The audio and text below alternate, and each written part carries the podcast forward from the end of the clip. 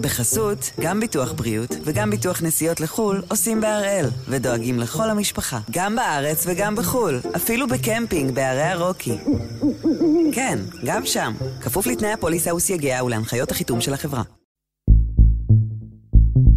היום יום שלישי, 26 ביולי, ואנחנו אחד ביום, מבית N12.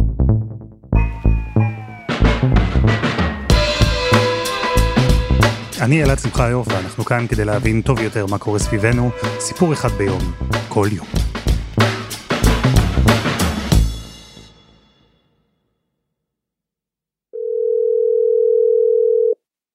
Алло. Алло, привет, как дела? Алло, привет, хорошо, у тебя как? Тоже хорошо. Отлично, хорошо слышно. בשיחה הזו, שערכנו בעזרתה של שני בירנבוים, עיוותנו לקטיה את הכל. האמת היא שבכלל לא קוראים לה קטיה, אנחנו השתמשנו בשם בדוי. כל זה כדי להגן עליה, לשמור עליה. לא כי היא עשתה משהו לא בסדר, אלא כי עם השינויים שקורים עכשיו ברוסיה, קטיה חוששת שינהגו בה כמי שעשתה משהו לא בסדר.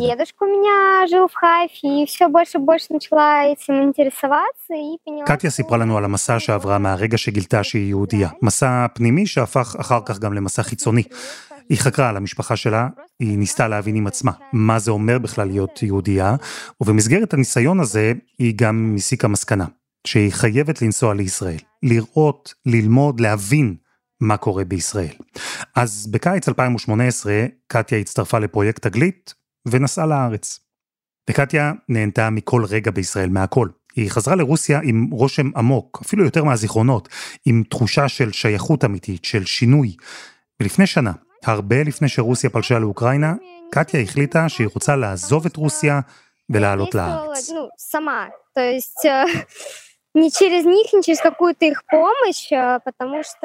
המקרה של קטיה הוא די פשוט, אין מחלוקת על היהדות שלה, האישורים והמסמכים, את כל אלה היא השיגה לבד ובקלות. ועדיין, עלייה היא תהליך מורכב. היא והמשפחה שלה עדיין בעיצומו. בשלב מסוים הם הבינו שהסוכנות היהודית יכולה לסייע להם, לרכוש עבורם את כרטיסי הטיסה למשל, לשלב אותם באחת התוכניות של עלייה לארץ. אלא שלפני בערך שבועיים התחילו שמועות בקרב הקהילה היהודית ברוסיה. שמועות שמשהו גדול עומד לקרות. А, Мы услышали это, наверное, где-то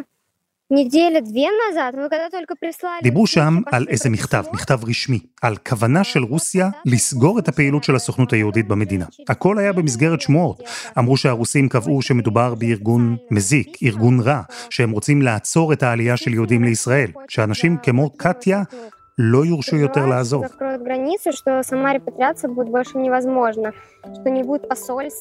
אז כן, קטיה מספרת לנו שאנשים היום מפחדים. כבר הבנתם, מהשם הבדוי והטלגרם ועיוות הכל שגם היא מפחדת.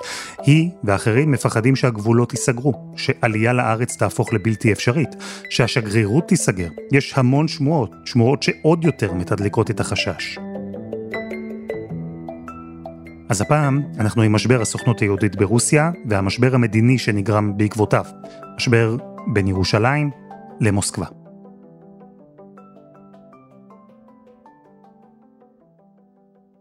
ירון אברהם, שלום. שלום אלעד. מתי בישראל, במשרד החוץ נניח, מתי הבינו שיש כאן בעיה? תראה, חוסר שביעות הרצון של הרוסים מהפעילות של הסוכנות היהודית, זה לא חדש. זה החל way way far ממלחמת רוסיה-אוקראינה. אפשר לומר שנים לפני. אני אומר את זה כבר עכשיו, כי מאוד מאוד חשוב לדיון, האם יש קשר בין פרוץ המלחמה באוקראינה ואולי ההתבטאויות של ישראל, וספציפית של ראש הממשלה לפיד, לבין העמדה הרוסית שהפכה יותר ויותר קשוחה לגבי הסוכנות. יש כאן ויכוח מתי התחילו האותות הראשונים, האם לפני שנה וחצי או לפני שנתיים, מה שברור שמ-2018 שהרוסים העבירו חוק קצת יותר דרקוני לגבי עמותות זרות במדינה, החלו להישלח סיגנלים בצורה יותר משמעותית. כי מה קרה ב-2018?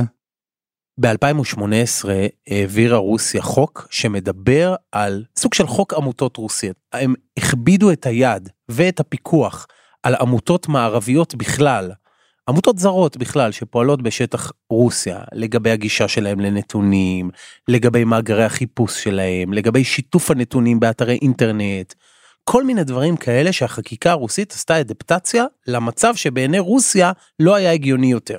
עכשיו, אתה יודע, אנחנו מסתכלים על זה מעיניים ישראליות, אבל החוק הזה תקף למשהו כמו 70 או 80 עמותות, ארגונים מערביים, שרוסיה סברה שפועלים באופן אה, אינטנסיבי די נגדה בתוך המדינה, ולכן היא הכבידה את היד באמצעות החקיקה הזאת. לעניין הזה נכנסה גם ישראל. כלומר, אפשר להסתכל על זה גם באופן קצת יותר גלובלי, וגם באופן נקודתי על הפעילות של הסוכנות בשטחי רוסיה. אוקיי, אז בוא נדבר רגע על האופן הנקודתי. מה בפעילות של הסוכנות היהודית ברוסיה, דווקא בפעילות של הסוכנות היהודית, מה בזה הקפיץ את הרוסים?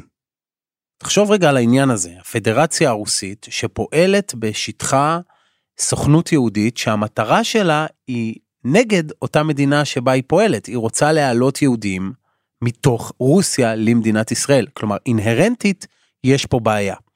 אז היו חיכוכים, שוב, קודם כל ברמה הקונספטואלית, לפני הכל עוד לפני ש, שנוגעים ל, למה קרה באמת, משטר כמו של פוטין רוצה לשמר אצלו אוכלוסייה. עכשיו אתה יודע, לאורך השנים, כל הזמן, אני יכול לספר לך, צף הדיון, וזה הגיע בעיקר מתרעומת, בין אם ברוסיה ובין אם במקומות אחרים, על מה עושה הסוכנות הזאת בהינתן העובדה שליהודים יש מדינה. כלומר, אנחנו לא מדברים על הימים שלפני קום המדינה או לימים של ראשית ימי המדינה שלכאורה הייתה הצדקה גם בינלאומית אל מול מדינות שהסוכנות פעלה בהן. לאורך השנים האחרונות באו מדינות, יותר ויותר מדינות, אגב בדרך כלל דיקטטוריות ולא ולא דמוקרטיות שאמרו מה זה הגוף המוזר הזה שפועל אצלנו למה אנחנו צריכים לתת לו גושפנקה חוקית. וזה הבסיס. העניין הוא שתמיד כל התקלות ורעשי הרקע האלה נפתרו בצורה מאוד מאוד חלקה, שקטה, מקצועית, בהבנות שקטות בין הפקידים ואנשי המקצוע של הסוכנות, לבין דרגי המקצוע והדרגים המשפטיים ודרגי השלטון של רוסיה. בעבר ידעו לנהל את זה מאוד מאוד טוב. אה, מכל מיני סיבות, גם סוגיות שקשורות לסוכנות עצמה, וגם סוגיות מדיניות, הקשר הזה שבעבר פתר כל מחלוקת משפטית די בקלות, פתאום הלך והסתעף, פתאום הלך והסתבך. תראה, אתה מתאר כאן חיכוך שאני יכול להבין אותו. כלומר, אני יכול להבין למה ברוסיה ירגישו, אה, איך אני אגיד את זה, חוסר נוחות, נוכח ארגון שהמטרה המוצהרת שלו היא בעצם להוציא רוסים מרוסיה ולהעביר אותם למקום אחר. אבל אנחנו מדברים על חוסר נוחות שמורגש כבר כמה שנים. אמרת, באופן מסורתי החיכוכים האלה נפתרו בעבר. אז מה קרה עכשיו?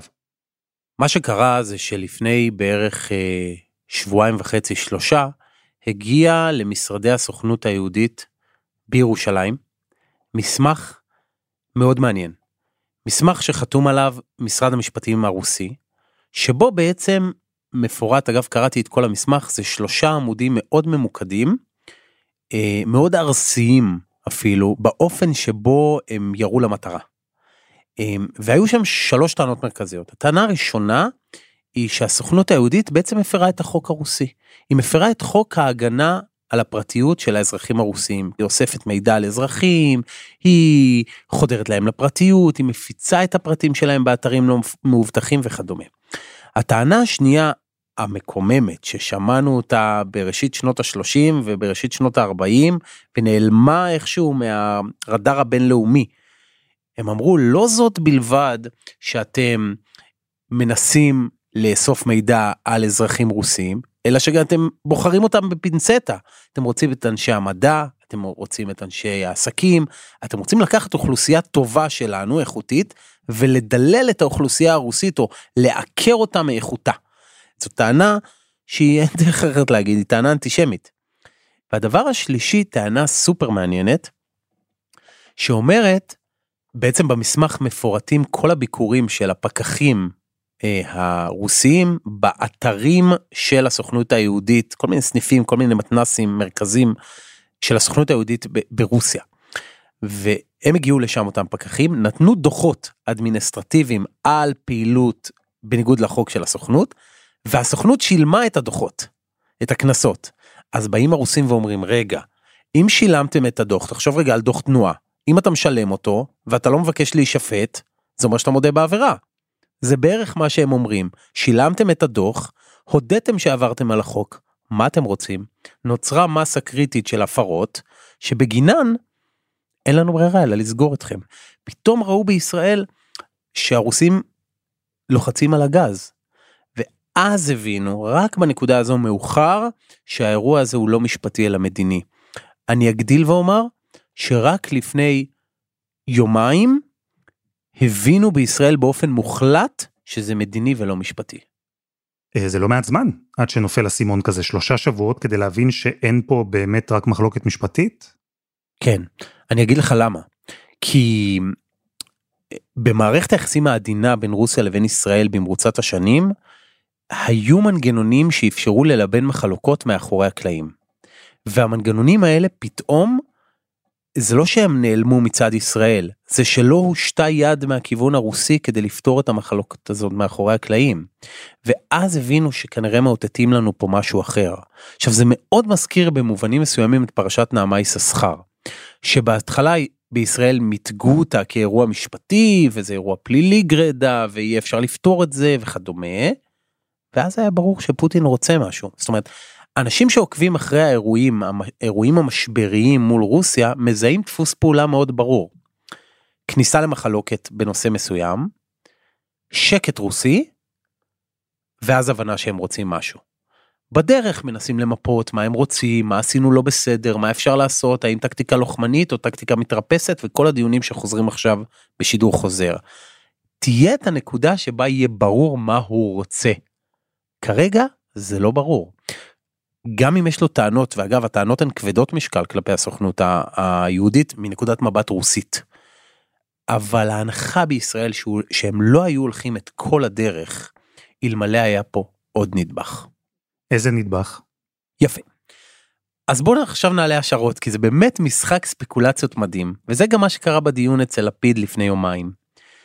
עלו שלוש השערות מרכזיות. ההשערה הראשונה, יש פה נקמה אישית של פוטין בלפיד על ההתבטאויות שלו כשר חוץ. הוא גם היום שר חוץ אבל עוד לפני כניסתו ללשכת ראש הממשלה אני מזכיר לך שלפיד היה הראשון שגינה את הטבח בבוצ'ה הוא קרא לזה פשע מלחמה. הוא היה הראשון שאמר שישראל תצביע בעד ההחלטה בעצרת הכללית של האו"ם שמגנה את הרוסים. הוא דחף לגישה יותר תקיפה כלפי רוסיה ויותר ערכית שמקרבת את ישראל למדינות המערב. והיה מעין משחק תפקידים בינו לבין בנט, בנט השוטר הטוב, לפיד השוטר הרע, זה ממש היה סיכום ביניהם, זה לא איזה משהו מקרי. פתאום אותו ברנש ממשרד החוץ הוא ראש הממשלה. ואחת האפשרויות שעלו זה באמת שיש פה איזה ונדטה פוטינית בלפיד בדרכו המיוחדת. האפשרות השנייה שעלתה שיש איזה חוסר שביעות רצון של הרוסים מהיקף הפעילות של צה"ל בסוריה. אבל הטענה הזאת שמשהו לא מסתדר לרוסים מבחינת מנגנון התיאום היא קצת ירדה מהפרק אפילו מהר אבל העלו אותו כאופציה. והנושא השלישי הוא הכי קטן לכאורה אבל הוא הכי משמעותי לפוטין. זה הסיפור של חצר אלכסנדר בירושלים. זה נכס שהיה נמצא במחלוקת המון המון שנים. פוטין מאוד רוצה את הנכס הזה כמקום בבעלות רוסית. ונתניהו אחרי פרשת נעמה יששכר הבטיח לו שהנכס הזה יעבור לידיו. יתרה מכך, ישראל הגישה לבית המשפט המחוזי נייר עמדה שבו היא אומרת שמבחינתה, חרף סכסוכי הבעלויות שקיימים בחצר, מבחינתה, הנכס הזה יכול לעבור לידיים רוסיות. בית המשפט המחוזי לא קיבל את הטענה הזאת, והכריז על הקרקע בינתיים סוג של קרקע מוקפאת, יש שם כל מיני סיפורים שקשורים לעובדה שהנכס הזה הוא נכס קדוש, ולכן צריך להגיע לאיזשהו הסדר משפטי לגביו. make long story short, פוטין מרגיש מרומה. זה הובטח לו ב-2020 על ידי נתניהו, אנחנו ב-2022, זה לא קרה. ויותר ויותר קולות בישראל סבורים שזאת הסיבה שהוא פועל בצורה הזאת כנגד הסוכנות.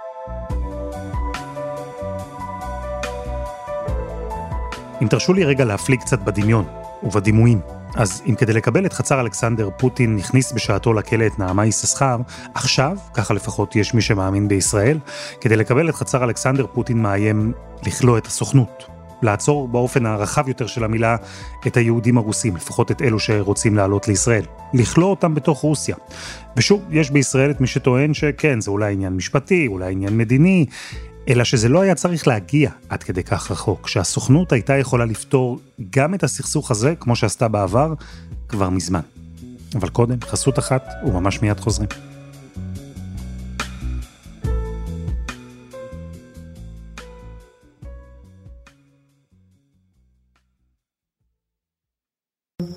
בחסות, גם ביטוח בריאות וגם ביטוח נסיעות לחו"ל עושים בהראל, ודואגים לכל המשפחה, גם בארץ וגם בחו"ל, אפילו בקמפינג בערי הרוקי. כן, גם שם, כפוף לתנאי הפוליסה וסייגיה ולהנחיות החיתום של החברה.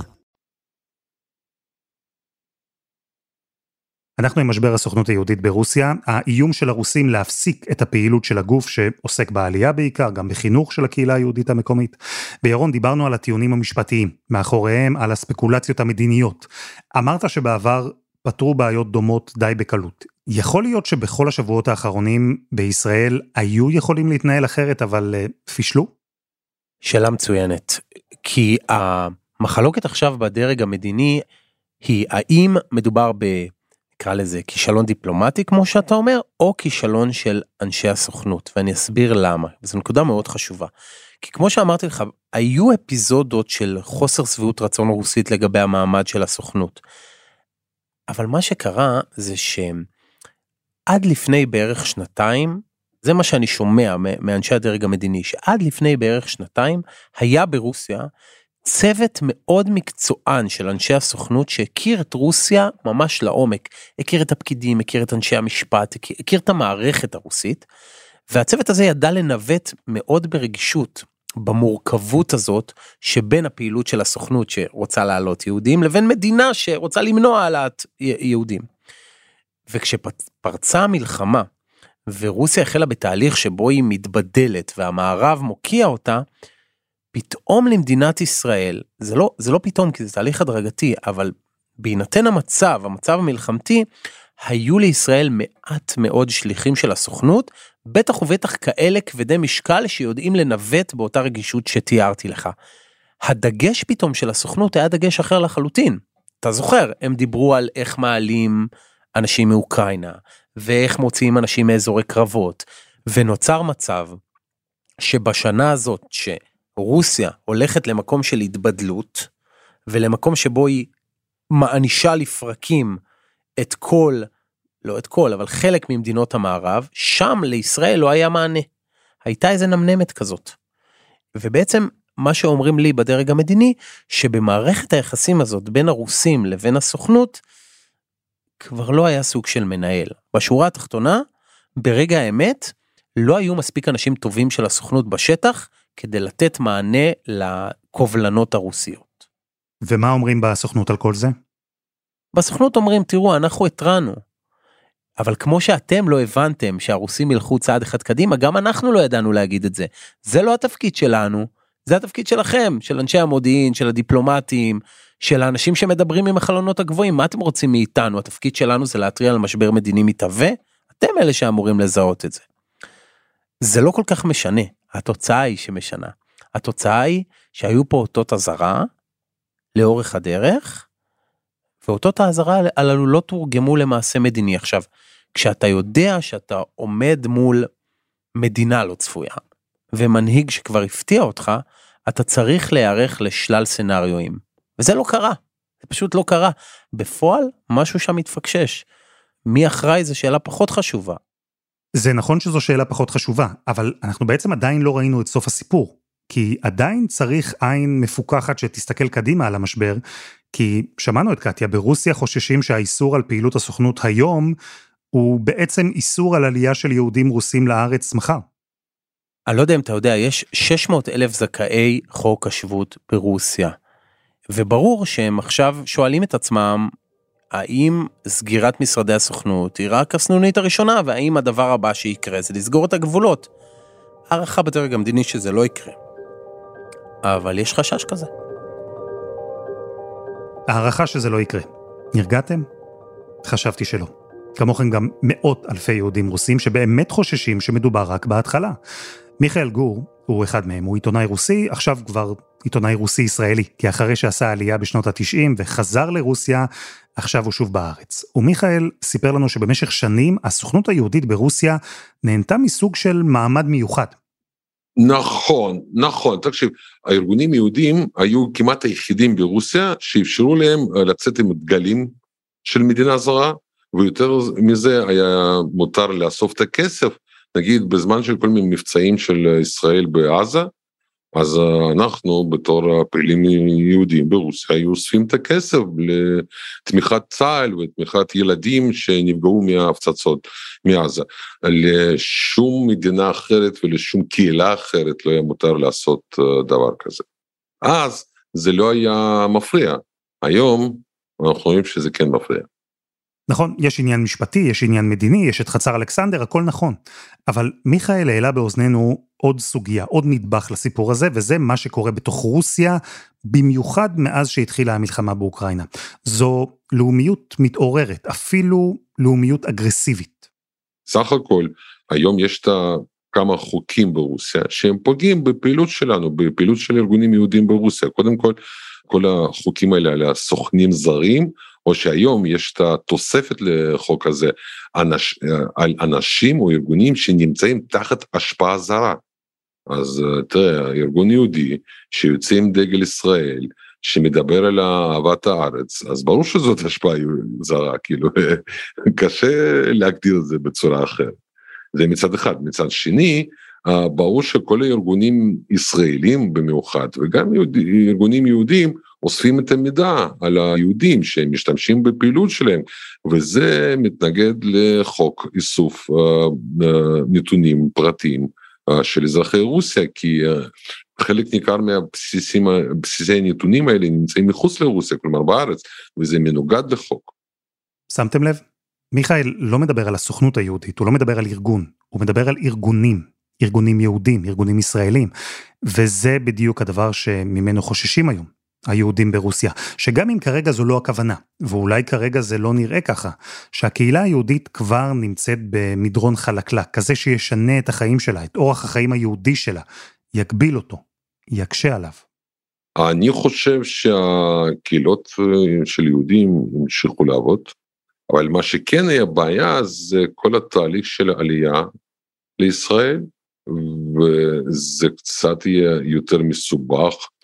עכשיו, הרוב הבעיות יהיו בכל מיני תוכניות שלא קשורות ישירות לעלייה, לילדים, לנוער, למבוגרים, אז פה כן, פה יהיה בעיה, ואני עדיין לא יודע איך ארגונים יהודים יפתרו את הבעיה הזאת, והלוואי שלא נצטרך. אני בכל זאת מקווה שאיכשהו בסופו של דבר יגיע נשיא פוטין ויגיד לא הזמן, לא עכשיו, אני לא רוצה לסבך את היחסים עם ישראל, כי סך הכל מה שדיברתי עם הרבה דיפלומטים רוסים, אז הם אומרים שבכל הפוליטיקה במזרח התיכון של ברית המועצות, הטעות הכי גדולה הייתה בניתוק יחסים עם ישראל.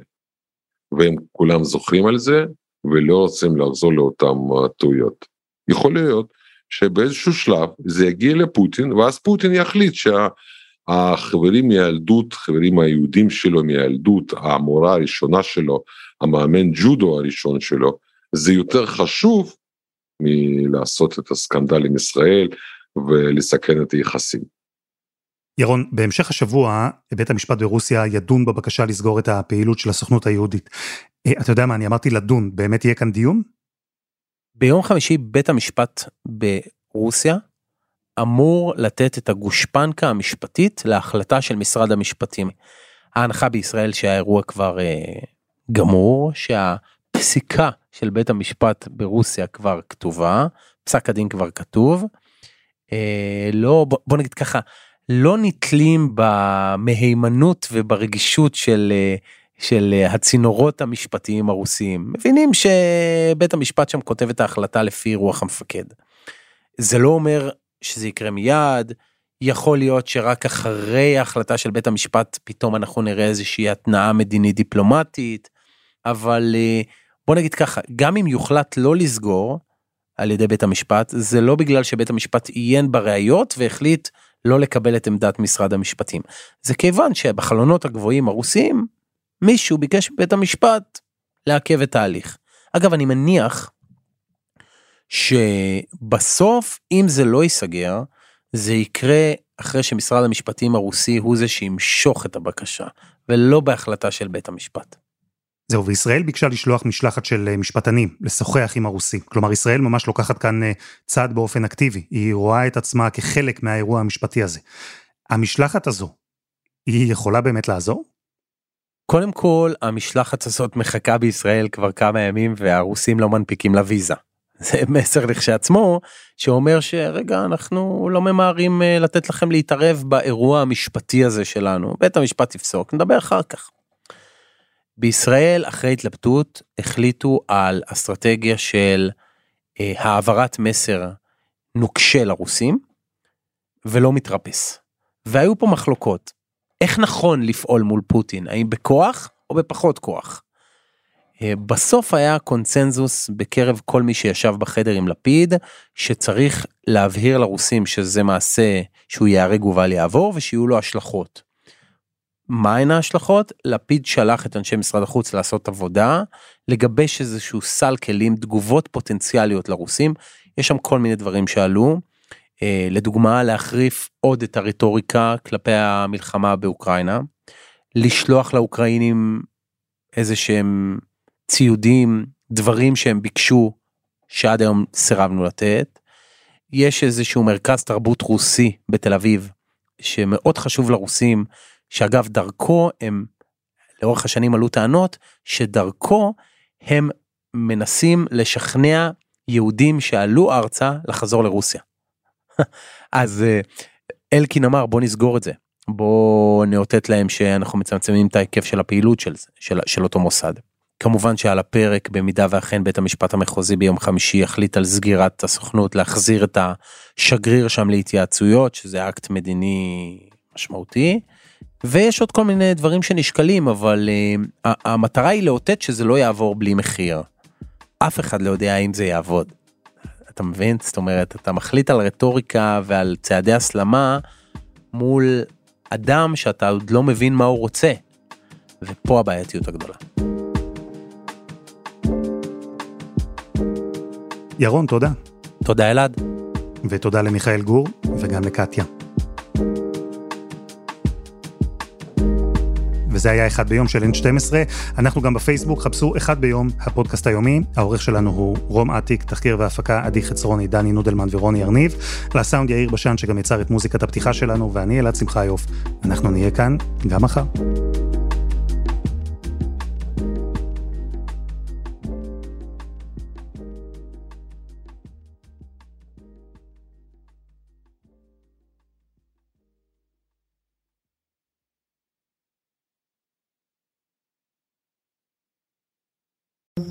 בחסות, גם ביטוח בריאות וגם ביטוח נסיעות לחו"ל עושים בהראל, ודואגים לכל המשפחה, גם בארץ וגם בחו"ל, אפילו בקמפינג בערי הרוקי. כן, גם שם, כפוף לתנאי הפוליסה וסייגיה ולהנחיות החיתום של החברה.